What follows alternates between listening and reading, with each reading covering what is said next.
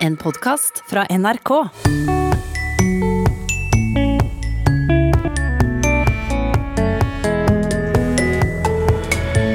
Språkteigen byr på en høstmiks i dag med noe nytt og noe gjenbruk. Vi får lytterspørsmål, blant annet fra Anders, som spør om den tekniske duppeditten kondensator. Kort forklart så lurer jeg på hva egentlig ordet betyr, eller hvor det, hvor det egentlig kommer fra. Det er mysteriet. Dette er litt komplisert, Ja, men veldig interessant. Tore er mer opptatt av koseplagg og spør om ordet slåbrok. Ja, altså Ordet slåbrok er genialt. Og vi skal dykke ned i arkivet og få litt humor i samtalen. Vi starter med lyttespørsmål i Språkteigen i dag, og det første tar oss rett inn i teknikkens verden, nærmere bestemt til en elektrisk duppeditt.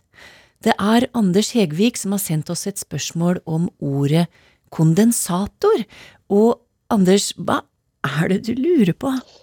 Nei, jeg lurer egentlig på Hvis man slår opp ordet kondens, da, som man kan kanskje gå ut fra at kondensator er bygd opp av, så um, betyr det faseovergang. Og for meg da, som jobber med dette, så um, denne eh, komponenten som da heter kondensator, den kan på en måte Det impliserer kanskje noen faseovergang der, men det, ikke, det fortoner seg ikke konsistent for meg i det hele tatt. Det er mye annet som kan føre til faseovergang, og en kondensator trenger ikke nødvendigvis å forårsake en faseovergang, da. Skjønner, men kan du si hva er en faseovergang? Eh, Faseovergang er litt eh, komplisert, men en enkel form for faseovergang eh, vil f.eks. være når vann går fra væske, væskeform, til gassform. Eh, Det er en faseovergang. Da går den fra en fase til en annen. Og du mener at, så det du sier er at det, er ikke det denne kondensatoren gjør? Jo, den kan gjøre det, men eh, Og den gjør det nok i ganske mange sammenhenger, men det er ikke eh, hva skal jeg si, en slags konsistent beskrivelse av hva den gjør, da. Nei. Så hvorfor heter det da kondensator? Det er mysteriet. Ja, og da skal vi prøve å løse det mysteriet. Nærmere bestemt du, Toril Oppsal.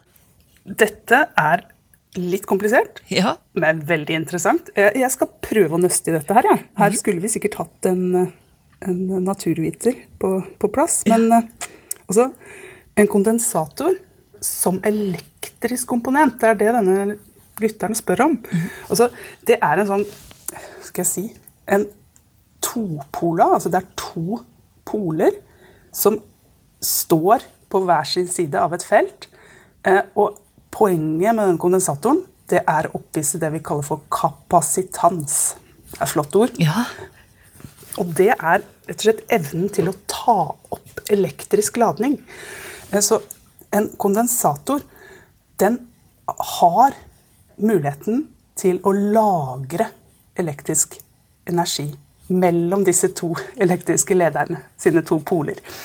Eh, Og vi kan kanskje altså den, den beste sammenligningen på hva dette her er, fordi det minner om det i hvert fall hva gjelder funksjon, eh, selv om det er noe litt annet, det minner litt om et batteri, rett og slett. Ja, Eh, og der samler du rett og slett opp elektrisitet på et relativt lite felt. Og kondensere, det verbet, har latin, latinsk opphav, og det betyr noe sånt som å trenge sammen. Eh, Så jeg tror rett og slett ikke denne kondensatoren, altså den elektriske komponenten, har noe med faseovergang å gjøre. Altså det at eh, flytende eller fast form, altså at gass blir flytende osv. Altså, det er noe litt annet. Eh, Det handler for så vidt om det samme, det å trenge sammen eh, som fortetting. Men, men, men her er rett og slett det å presse inn så mye elektrisitet som mulig på et lite felt. Akkurat. Det er det. det. Der er kondensatoren. Og det, det henger selvfølgelig sammen. Altså denne her, for å holde oss litt i det noen kanskje kjenner til, så er, så er det med kondensert melk. Eh, Der er nettopp det at du damper inn og kon konsentrerer flytende matvarer. Eh, Så, så vi kan jo se for oss det er litt av det samme.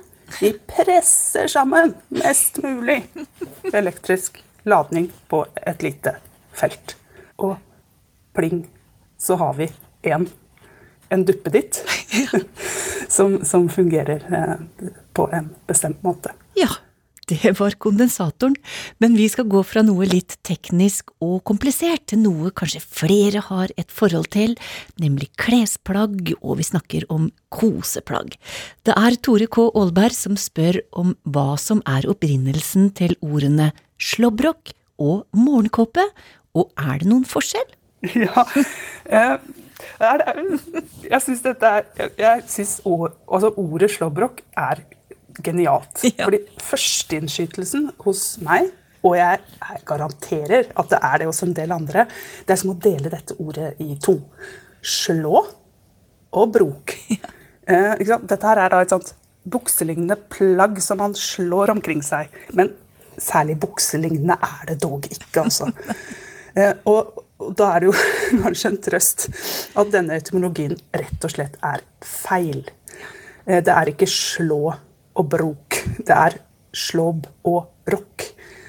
Eh, så dette her har rett og slett, som så mye annet, lavtysk opphav og er satt sammen av rock, som betyr frakk, og et verb som betyr å sove. Altså slåpen. Så der har vi slobb og rock. Og hva er en slåbrok? Jo, det er jo en sånn Vi kaller det for en innefrakt, da, siden, siden vi har den rocken. Eh, I hvert fall ganske uformelt hjemmeantrekk. Eh, som jeg ser for meg at man har på seg over en pysjamas. Kanskje den til og med har striper. den pyjamasen. Eh, men det er i hvert fall et plagg du bruker før og etter at du har kledd deg. Og Ibsen sin beskrivelse av gamle Ekdal i slåbrok og tøfler med en tent pipe. Der, der har du dette klassiske bildet av en slåbrok, i hvert fall i mitt hode. Og så var det morgen kåpe. Eh, morgenkåpe eller morgenkjole. Eh, det er rett og slett en lett kåpe som du tar på deg før du har kledd på deg. Ja. Og underforstått gjerne da om morgenen. Eh, så, så disse to orda har jo samme betydning, samme funksjon, og i hvert fall i dagens bruk så ser det ut til å være stor overlapp mellom dem. Og hvis du prøver å søke opp disse ordene og, og, og se på bilder. Og hvis du ser på brukseksempler som er angitt i ordbøker, og som vi finner i litteraturen, så kommer det fram noe som kan ligne på en eh, viss kjønnsstereotypi. Ja. fordi morgenkåpen kobles oftere til kvinner, og slåbroken til menn. Men det fins unntak. og, og, det fins klesbutikker som opererer med kategorien morgenkåpe menn. Trykk her så kan du få bestille det. ikke sant? Eh, og det fins flotte bilder av kvinner i det som er slåbrok. Og så blir det mer og mer komplisert, fordi det dukker opp en badekåpe også oppi, oppi her. Og hva er nå det? Jo, jo, det ser ut til at den er litt kanskje tykkere, at den har lommer, og, og den er ofte i frotté. Eh, så, så, så, der kan materialet skille ut en badekåpe. Men kimono dukker også opp. Og hvis man først begynner å grave seg ned i denne kleshaugen, så dukker det også opp skrekk og gru, noe som kalles for loungewear. Uh, har du hørt om det? Uh, det? det? er også nettopp en betegnelse på den type klær du bruker før og etter at du egentlig har kledd på deg. Uh, og denne ja, altså Der dukker også opp et av mine favorittord, og det er en kosedress. Ja. Har du en kosedress, Torunn? Nei, dessverre. Men jeg skulle så gjerne hatt det.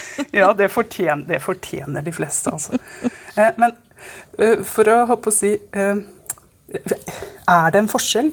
I dagens bruk av slåbrok og eller morgenkåpe så ser det ikke ut til å være noen stor overlapp mellom disse ordene. Altså, unnskyld, altså, det ser ikke være noen stor forskjell, det ser ut til å være overlapp. Ja. Både i hvordan de ser ut, og hvordan de blir brukt. Ehm, men det kan definitivt være noen nyanser der. Og assosiasjonene de gir, de peker i litt ulike retninger. Ehm, men de er gamle, begge to. altså De er brukt veldig lenge ehm, i norske tekster. Da har vi vært innom diverse koseplagg der, altså. Takk til Toril Oppsal.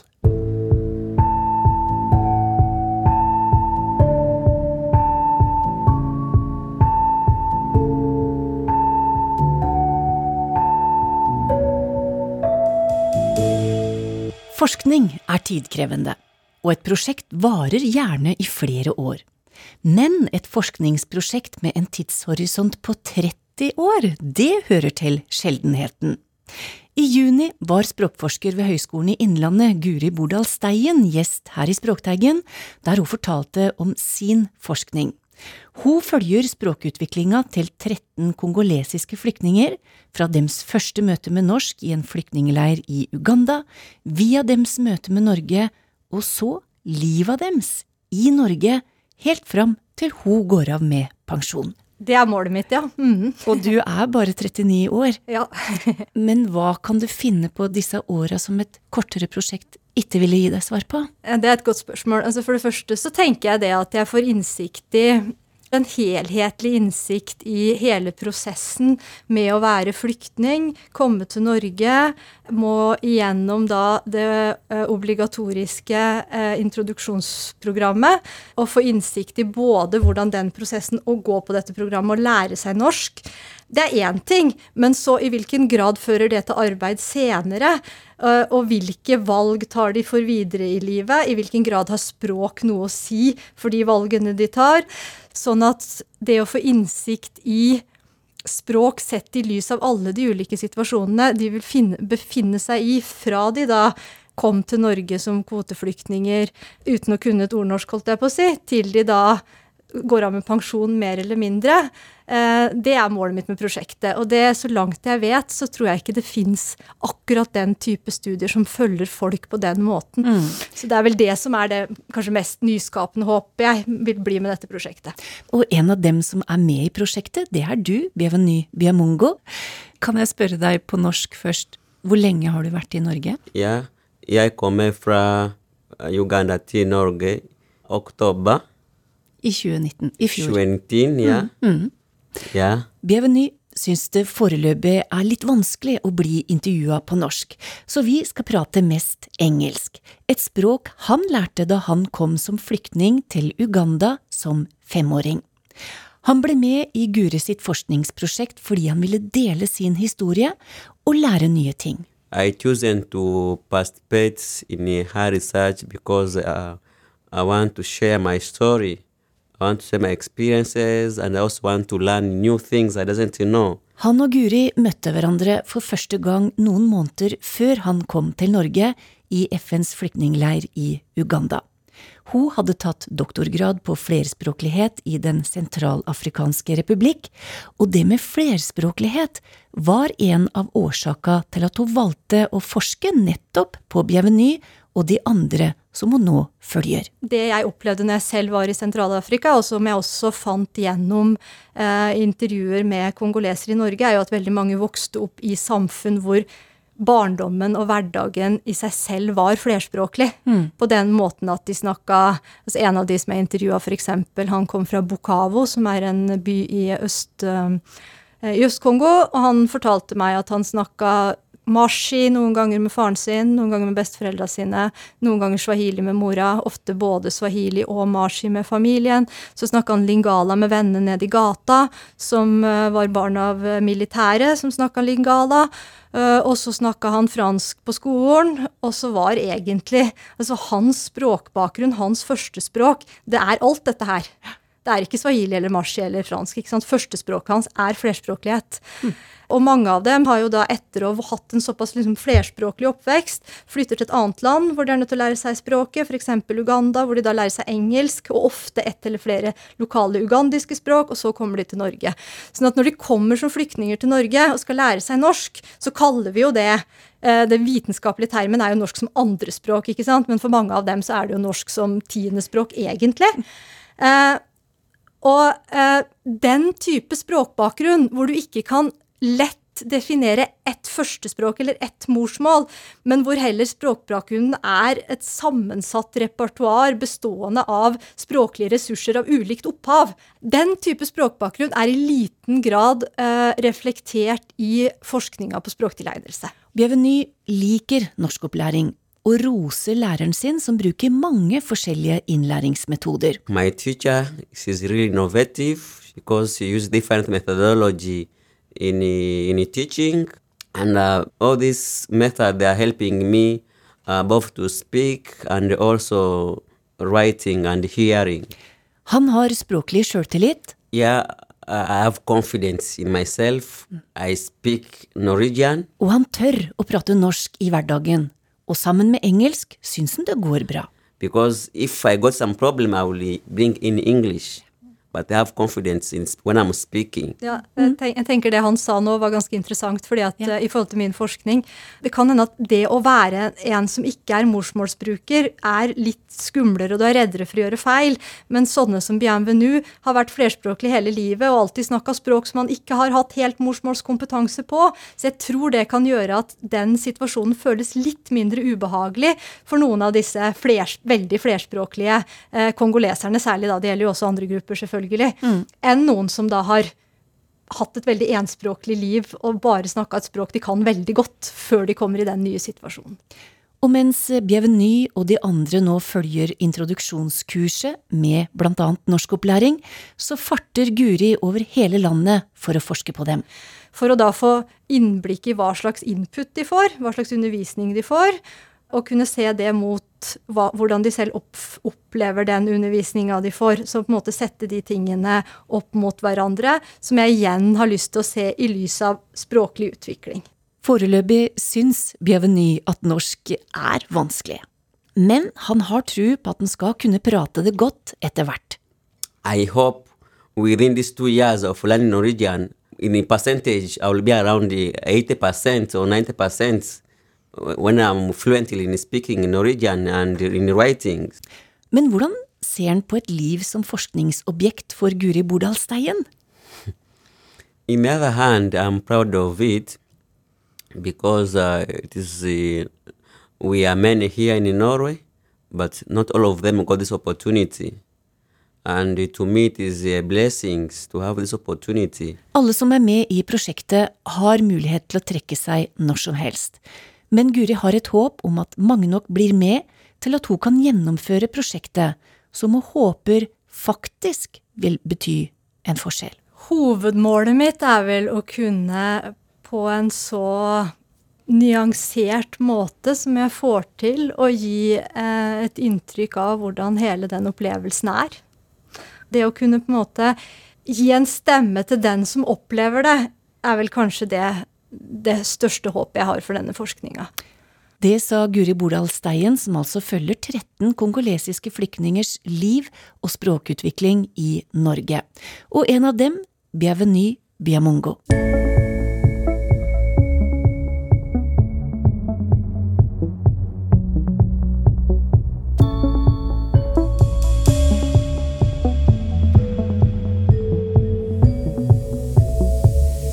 Med jevne mellomrom så finner vi fram til hva Språkteigen var opptatt av for 20 år sia.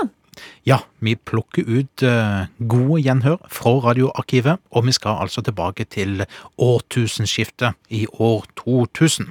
Og i dag er humor et stikkord. Ja, daværende programleder Einar Bjorvatn så nemlig nærmere på humorens funksjon i samtalen. Språkteigen er av og til blitt beskyldt for å være humorfri sone i P2.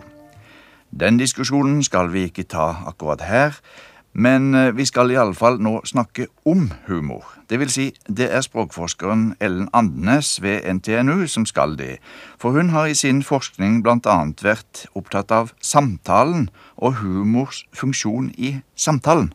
Og noe av mitt poeng det er at det å være morsom, altså gjøre noe morsomt, eller gjøre noen morsomme, det er noe vi må samarbeide om i samtale. La oss nå si at du og jeg eh, sitter og snakker sammen, og så har jeg tenkt å si noe morsomt. Og da har vi, altså vi har noen helt bestemte prosedyrer, noen samtaleteknikker, for å få til dette her sammen. Så hvis jeg vil si noe morsomt, så vil jeg sannsynligvis signalisere det til deg på en eller annen måte. Og da kan jeg jo gjøre det sånn veldig eksplisitt ved å si 'Har du hørt den om han svensken som?' Men det er i grunnen ikke så ofte. Det er mye mer sannsynlig at jeg vil Jeg vil kanskje signalisere det eh, veldig i smått. Med å heve øyebrynene litt. Jeg kan blunke. Jeg kan fordreie stemmen litt. Jeg kan ta i bruk et eller annet sånt akseptert signal om morsomheter. Uh, ja, både du og jeg er gamle nok til å huske Juster, f.eks., når han sa 'mot normalt'. Og det kunne vi også ta opp, da. Eh, nå er det f.eks. sånn at etter suksessen til Flettfrid, så kunne jeg bare starte et utsagn med ja, yay! Og så vil du skjønne at nå kommer det noe morsomt. Men eh, så kommer din del av jobben. Og den er også Altså, den er akkurat like viktig. Det du må gjøre, det er for det første, du må gi meg plass i samtalerommet, som vi kaller det, sånn at jeg kommer til med denne morsomheten. Og så må du følge godt med på det jeg sier, eh, og på hvordan jeg bruker ansiktet og kroppen, for å vise at du er med på det jeg forteller, og for å kunne ta signalene om f.eks. når poenget kommer. Og så må du vise at du grep poenget. Det er jo veldig viktig. Altså Du må vise at du skjønner at jeg var morsom med vilje, f.eks. Og det kan du gjøre igjen på mange måter. Du kan le, selvfølgelig. Eller du kan rulle med øynene, eller et eller annet. Vi har veldig mange både miner og geberder og små lyder som vi utstøter for å vise at dette var morsomt. Og da produserer du meg som morsom. Og så produserer du deg selv som en som har humoristisk sans, og som verdsetter humor. Og så produserer vi sammen et eller annet som morsomt. Denne formen for kommunikasjon forutsetter altså et ganske finjustert samspill mellom aktørene, og det er nødvendig å kunne tolke signalene som sendes ut. Hvis den ene ikke forstår eller tolker riktig de humorsignalene den andre sender ut, kan det fort bli både pinlig og leit for begge parter. Humor er nemlig olje i det sosiale samspillet, ikke minst i samtalen, sier Ellen Andenes. Og vi lærer eh vi lærer jo både når vi vokser opp og seinere når vi kommer rundt på forskjellige av livets arenaer, så lærer vi hva som er morsomt, og hvem som er morsomme, delvis ved å observere. Altså hva er det som er morsomt her? Uh, og det kan vi lære fordi at andre viser oss det gjennom sine signa signaler. Og du kan jo bare tenke på barn som uh, lærer Altså de lærer liksom den derre sjangeren med vitser og vet hvordan man gjør, lenge før de har fattet poenget. Altså De starter med å le når de andre ler. Og så kommer disse skjelettene av vitser som ofte er fordreid til det ugjenkjennelige. Og så sjekker de da hjemme ved middagsbordet om de kan få mamma og pappa til å le. Og hvis mamma og pappa ler, så har ungen vært morsom. Og da kan ungen godt spørre hvorfor var det morsomt egentlig? Det å vise tegn på humoristisk sans, det er egentlig en egen sosial ferdighet, sier Andenes. Blant annet har dette med noe å gjøre med å vite når og med hvem det passer seg å spøke og ha det morsomt. Her kan man støtte seg til diverse undersøkelser som er gjort om humor på arbeidsplassen. Og da ser vi sånn at eh, fra sykehus at når leger er sammen med sykepleiere, så er legene morsommere det er de som spøker. De spøker med, og kanskje også om, sykepleierne.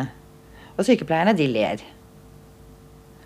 Eh, på den måten så får jo begge vist fram en form for humoristisk sans, men på litt forskjellig måte. Men når så legene blir borte, da spøker sykepleierne både med og om hverandre og ler. Og når sykepleierne så er sammen med pasientene sine, da spøker sykepleierne med, og kanskje også om, pasientene som ler. Og pasientene er nederst på rangstigen på sykehuset da, så de kan ikke tillate seg å spøke så mye oppover i hierarkiet. Også når det gjelder de ulike kjønn, kan man finne det samme mønsteret. Og dette ser vi òg i en helt fersk eh, undersøkelse fra Sverige blant skolebarn. Eh, diskusjonsgrupper mellom, eh, eh mellom elever både i guttegruppene og i jentegruppene så er det mye spøk og latter. Men så fort de kommer sammen, så viser det seg at da er det guttene som spøker, og jentene som ler. Ikke absolutt, selvfølgelig. Ingen sånne mønstre er absolutte. Eh, men det er altså et eller annet også med den sosiale organiseringen her. Og eh, det er jo mange som har tenkt at eh, kvinner ikke har så mye sans for humor. Og kvinner er dårlige vitsefortellere og sånn. Eh, det har vel noe å gjøre med nettopp det der med å ta plass i samtalerommet. Som eh, er Vi har på en måte noen sosiale overenskomster om at menn skal ha litt mer plass i samtalerommet enn kvinner skal. Alle, alle liker å ha det artig, ikke sant? Og vi liker mennesker som vi kan ha det artig sammen med. Humor er en veldig høyt verdsatt sosial egenskap. Og i den forbindelse så så jeg nettopp en undersøkelse hvor eh, folk vurderte sin egen sans for humor. Og da viser det seg at de fleste av oss syns at vi har litt mer sans for humor enn de menneskene vi sammenligner oss med. Du hørte Ellen Andenes og Einar Bjorvatn i et gjenhør fra Språkteigen for 20 år siden. Og det var reporter Knut Knutsen Eigeland som hadde dykka ned i arkivet. Og med det er Språkteigen ved veis ende i dag. Har du spørsmål til oss, så minner jeg om adressa teigen krøllalfa nrk.no. Vi høres!